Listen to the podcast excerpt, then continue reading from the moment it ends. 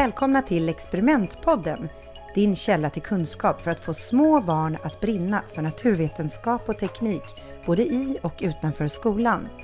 Podden är producerad av Binosi och jag heter Carolina Kjellberg. I dagens avsnitt träffar jag Caroline Bäck Adiels. Hon är universitetslektor på institutionen för fysik vid Göteborgs universitet. Länge har hon arbetat med Upptäckarklubben på universitetet och den kommer hon att berätta mer om i dagens avsnitt. Hej Caroline! Välkommen till Experimentpodden!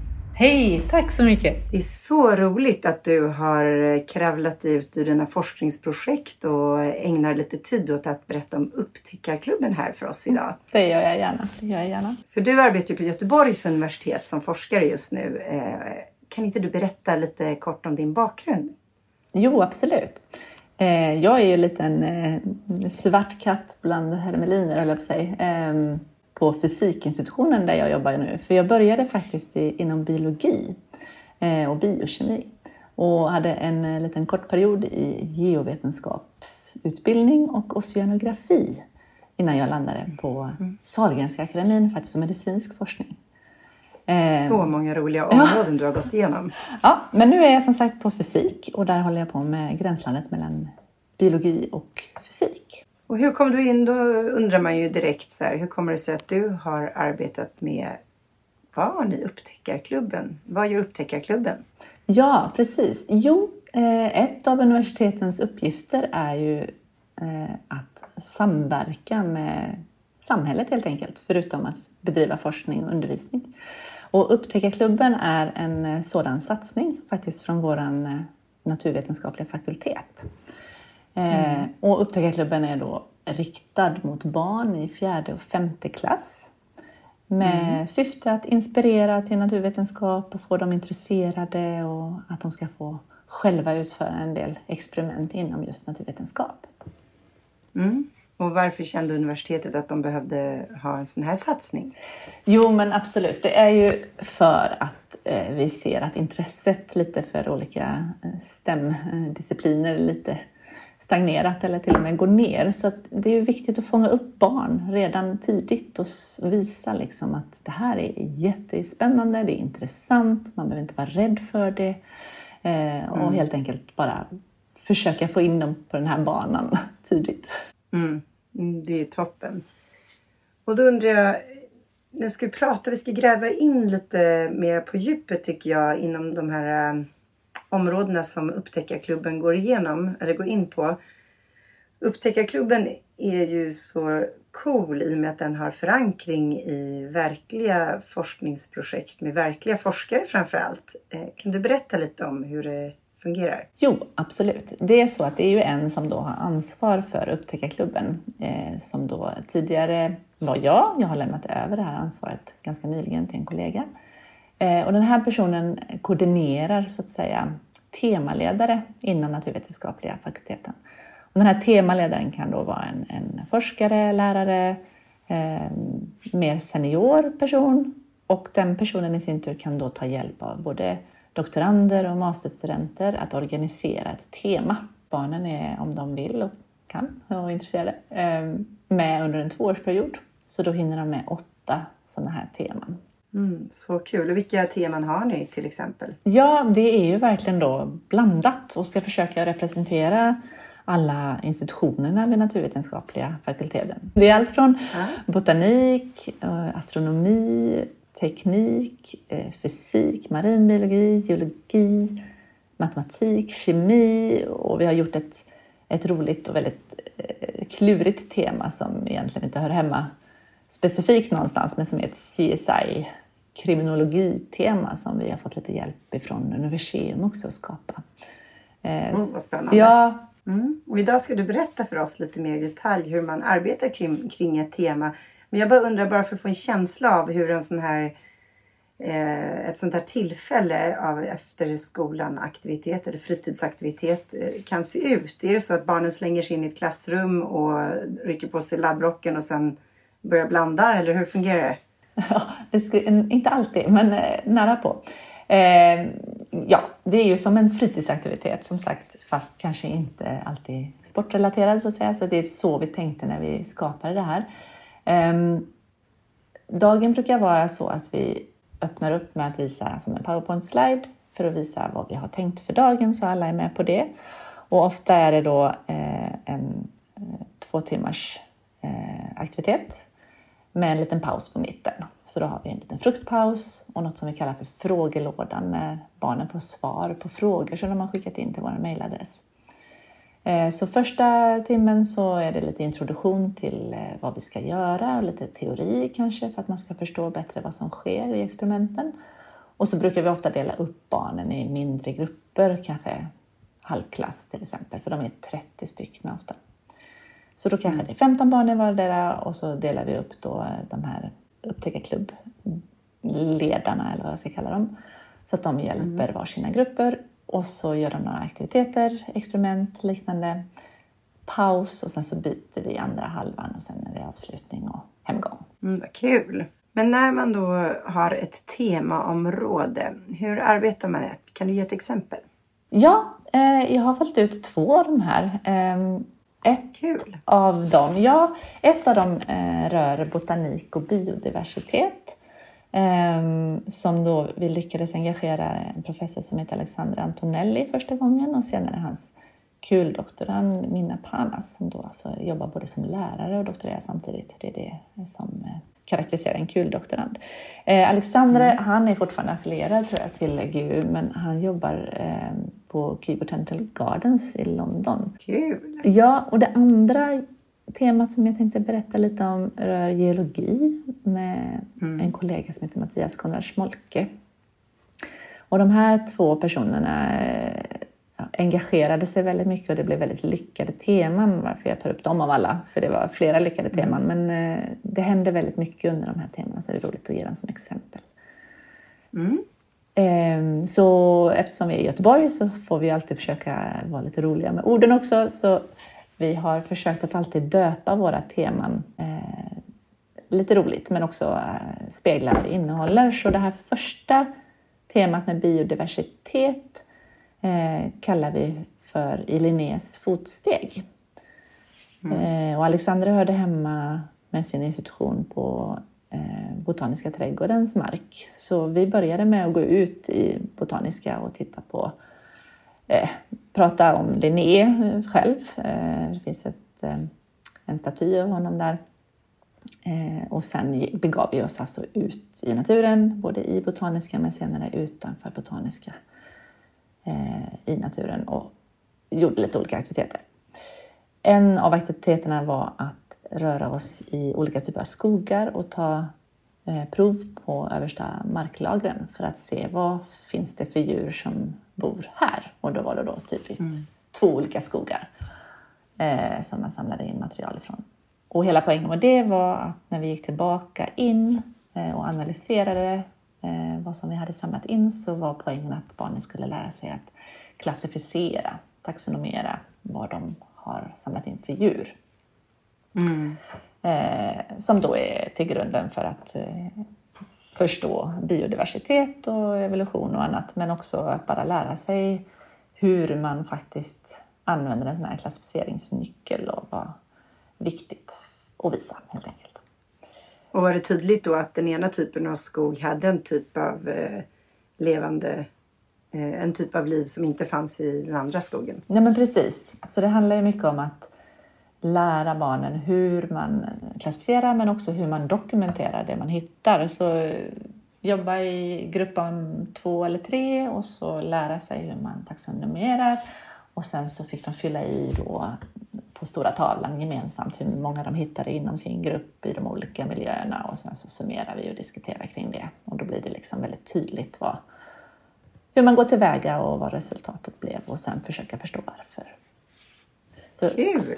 Lite så empirisk inhämtning av data och försöka analysera det helt enkelt som vi ville visa på där. Då måste jag ha kommit hem och blivit urnyfiken och plockat upp både det ena och det andra krypet på vägen. vem vet, vem vet? Ha dem hemma i ett akvarium. Ja, mm. eller terrarium kanske. Nåväl. Eh, och en annan sak de fick lov att göra som var väldigt omtyckt var ju att de fick samla in också eh, en växt igen då utanför Botaniska trädgården.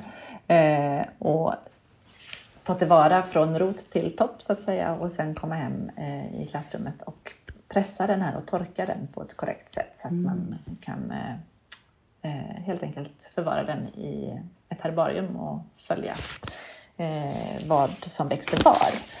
Mm. Och då var de så väldigt, väldigt snälla också på den här institutionen att de hjälpte barnen att pressa och torka de här. Så nästa gång vi sågs så hade de plastat in dem Eh, och då fick de lov att hamna i det här elektroniska herbariumets bibliotek i mm. princip. Eller bibliotek, herbarium helt enkelt. Eh, och då är det så fantastiskt spännande för då är de här barnen som var med i det här kan då söka på sitt namn i det här elektroniska herbariumet och hitta sig själv som insamlare, när, var, hur och koordinater och liknande. Och det finns då bevarat, eh, ja, så länge herbariumet finns så finns detta förvarat. Ja, men eh, fascinerande för barnen ja. att få ta del av ett riktigt projekt som består. Ja, men precis. Eh, så det var väldigt mm. roligt och väldigt lyckat. Och sen gjorde vi en massa andra aktiviteter också. Detta var bara exempel, men vi var också inne i Botaniskas växthus och pratade kring hur växter och planter och blommor och frukter och liknande som växte på dessa såg ut och varför. Så att man kopplar då miljön till utseende eller funktion eller hur man ska säga mm. från, på de här växterna. Så det blev ett annat tänk med mm. att diskutera detta och de fick svara på frågor och gå runt och titta och diskutera. Och jag, lite är det ju det här eh, tänket man vill inspirera till. Inte bara titta mm. på något och acceptera att det är som det är, utan men hur kom detta sig och varför då? Och vad kommer det sig? Mm, och det systematiska arbetet sen också kring att undersöka och så. Och det andra temat? Just det, det andra temat rörde ju då eh, geologi. Eh, mellan himmel och jord har vi kallat det. Och det var ett mm. väldigt eh, ska säga, praktiskt tema. Det var kanske inte alltid experiment så, men det var väldigt, vad säger man, fast, handfast. Det var väldigt praktiskt på det viset att de fick använda händerna eh, väldigt mycket. Eh, ja, och där är det ju väldigt spännande att få lära sig också hur man tar reda på vad som har hänt i historien. Ja, men precis. Och det är ju så svårt att förstå geologisk tid. Eh, och det lyckades de verkligen med att eh, spegla tror jag i det här projektet. Och då var det eh, Mattias då, Konrad Schmolke och hans, jag tror det var masterstudenter framförallt som hjälpte till den här gången vi gjorde detta just ehm, mm, som började egentligen med att barnen fick testa på att vaska guld. Så vi hade mm. en stor bassäng med, med grus och sten och så som de egentligen faktiskt preppade då varje gång med lite guldpartiklar. Och så står mm. det sådär en, sju barn runt den här stora bassängen med varsin sån här vaskplatta och så fick de helt enkelt öva på att vaska fram det här guldet. Eh, små, små partiklar som de blev överlyckliga när de väl hittade och så kom det en ny grupp och så fick de preppa den igen. Och så, ja. så Guldrush på ja. Göteborgs universitet. ja, precis. Um, så det var ett, eh, ett del, eller en delaktivitet i det hela. Eh, en annan väldigt omtyckt del och ganska, det tog verkligen två timmar, eh, gällde då just att försöka förstå det här med geologiska åldrar och hur man tar reda på vad som har hänt i, genom historien helt enkelt. Eh, mm. Då hade de, eh, igen de masterstudenterna tror jag, eh, ihop med Mattias, preppat stora plastlådor. Eh, om de var åtta stycken eller något liknande. Där barnen då fick dela upp sig på dessa och försiktigt börja skrapa av lager efter lager som de då hade preppat med olika typer av, av material. Mm. Eh, som skulle kunna vara då sand, eller salt, eller sten, eller trä, eller gips, eller jord eller liknande. Och försiktigt, försiktigt ta lager efter lager och se när det övergår till något annat. Och samtidigt hade då eh, de här lådorna då preppats med liksom, fossil eller små lappar där det faktiskt stod en eh, tidsålder på. Så att vi skulle ha lite koll på var, vi rörde oss i historien så att säga. Och det fiffiga var då att de här lådorna såg inte likadana ut utan eh, överdelen på en låda överlappade några lager på underdelen av en annan låda. Och så mm. hörde de ihop på det här viset, två och två. Eh, så att på slutet när igen då dokumentationen var gjord per låda så fick barnen gå fram till stora tavlan och skriva ner vad de hade hittat och hur det såg ut och alla de här ledtrådarna med fossil och liknande. Och så var då poängen att de skulle försöka pussla ihop det här till en helt sammanhängande liksom, geologisk avlagringsålder så att säga, eller ja, period. Mm, spännande! Eh, ja, och det blev väldigt omtyckt och det blev väldigt roligt och de blev så glada när de hittade en fossil och liknande. Och sen att förstå eh, de här lagren som förstås inte kanske alltid var i relation till hur lång period det var, men liksom förståelsen. Men tanken, liksom. Ja, men precis. Eh, mm. Och se då och förstå hur otroligt mycket som händer under de här långa, långa, långa eh, miljontals år av perioder i olika eror helt enkelt. Väldigt, väldigt roligt och väldigt smutsigt, men väldigt roligt. ja, men det är ändå ett fint sätt att eh, förklara något ganska komplicerat. Ja, men precis. Bra experiment. Väldigt. Och sen som sagt så fick de göra helt andra saker. Inte själva förstås, men använda ett, eller se användningen av ska vi säga, ett elektronmikroskopi som många också använder inom geologi för att förstå fina strukturer och liknande på mineral och annat. Så dels fick de vara med i sådana försök och fick i uppgift att ta med sig det minsta de kunde hitta hemifrån för att liksom visa hur det såg ut i en extrem förstoring. Eh, mm. De fick också genomgå egentligen en labb som studenterna på universitetet går igenom när de tittar på stuffer eller helt enkelt stenar.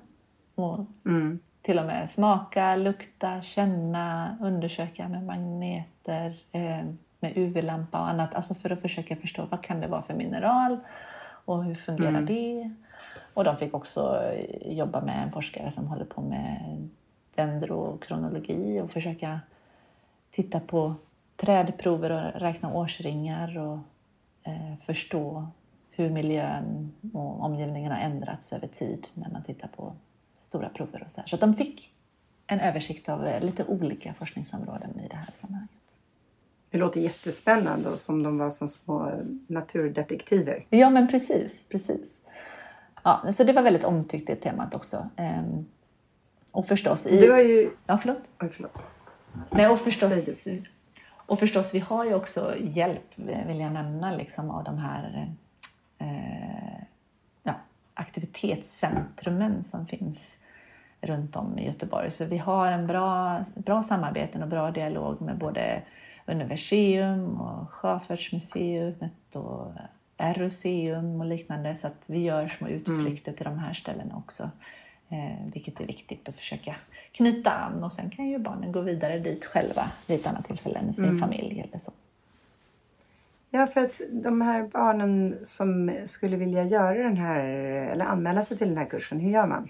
Ja, bra fråga. Eh, vi har ju då en hemsida på www.gu.se. Och varje vår så annonserar vi där när det är dags att eh, söka om man är intresserad av att gå dit.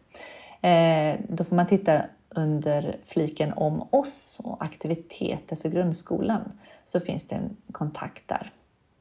Mm. Och då är det så att då anmäler man sitt intresse Eh, medlemskap om man, blir med, eh, om man blir registrerad kostar 400 kronor per termin och då får man liksom en fruktstund också då, så det är lite sånt som betalas för det. Ehm, mm. Poängen är att vi vill att alla ska kunna söka och sen lottar vi fram så att det inte blir så här först till kvarn. Ehm, mm. Och annonsen ligger ofta ute i lokaltidningar och vi försöker sprida det då så mycket vi kan utanför Göteborgs universitets eh, liksom anställda. För det kanske är mm. de som känner till främst att det här pågår. Eh, mm. Men vi vill ju ha så brett som möjligt eh, rekryteringsmässigt eh, och att alla får chansen som vill att åtminstone vara med i den här utlottningen. Mm, det är ju toppen. Men när du har jobbat med den här upptäckarklubben, vad tycker du har varit det härligaste med det arbetet? Ehm, det finns mycket bra saker och jag tror det främsta är nog just den här glädjen och inspirationen som man ser efter en, efter en eh, klubb och inför en ny eller ja, ibland då brukar man hålla på vad är nästa tema? Ehm, då har man ibland hållit på det verkligen till sista tillfället på det förra temat. Och så bara, vet ni vad vi ska göra nästa gång? Eh, och så berättar man det och så säger hela klassen bara ja! så blir det ah. fantastiskt. Eh, då, då förstår man att man har lyckats. ja, verkligen. Och när det sämsta på Upptäckarklubben är att det är vad var det de skrev? För varje gång brukar vi ha en sån här utvärdering när det är sommarlov. Vad har varit bäst och vad kan vi göra bättre? Och då brukar det vara kommentarer som det sämsta med Upptäckarklubben är att det är varannan vecka, att det är uppehåll på sommaren och att man måste sluta när man börjar sexan. det är jättebra ju. Ja, ja, det var ett bra betyg. Bra ja, sämsta. Verkligen. Tack snälla för att du har varit med. Det här var så roligt. Tack så mycket för att jag fick berätta om det här. Tack för att du har lyssnat på Experimentpodden. En Binosi-produktion med mig, Carolina Kjellberg. I nästa avsnitt kommer jag att träffa Ariosa Asmar Talani som går under namnet Lilla Kemisten. Vill du få detaljer kring experiment så gå in på bnosy.com, alltså BNOSY och prenumerera på vårt nyhetsbrev eller vår Youtube-kanal Bnosy Kids. Vi hörs snart igen.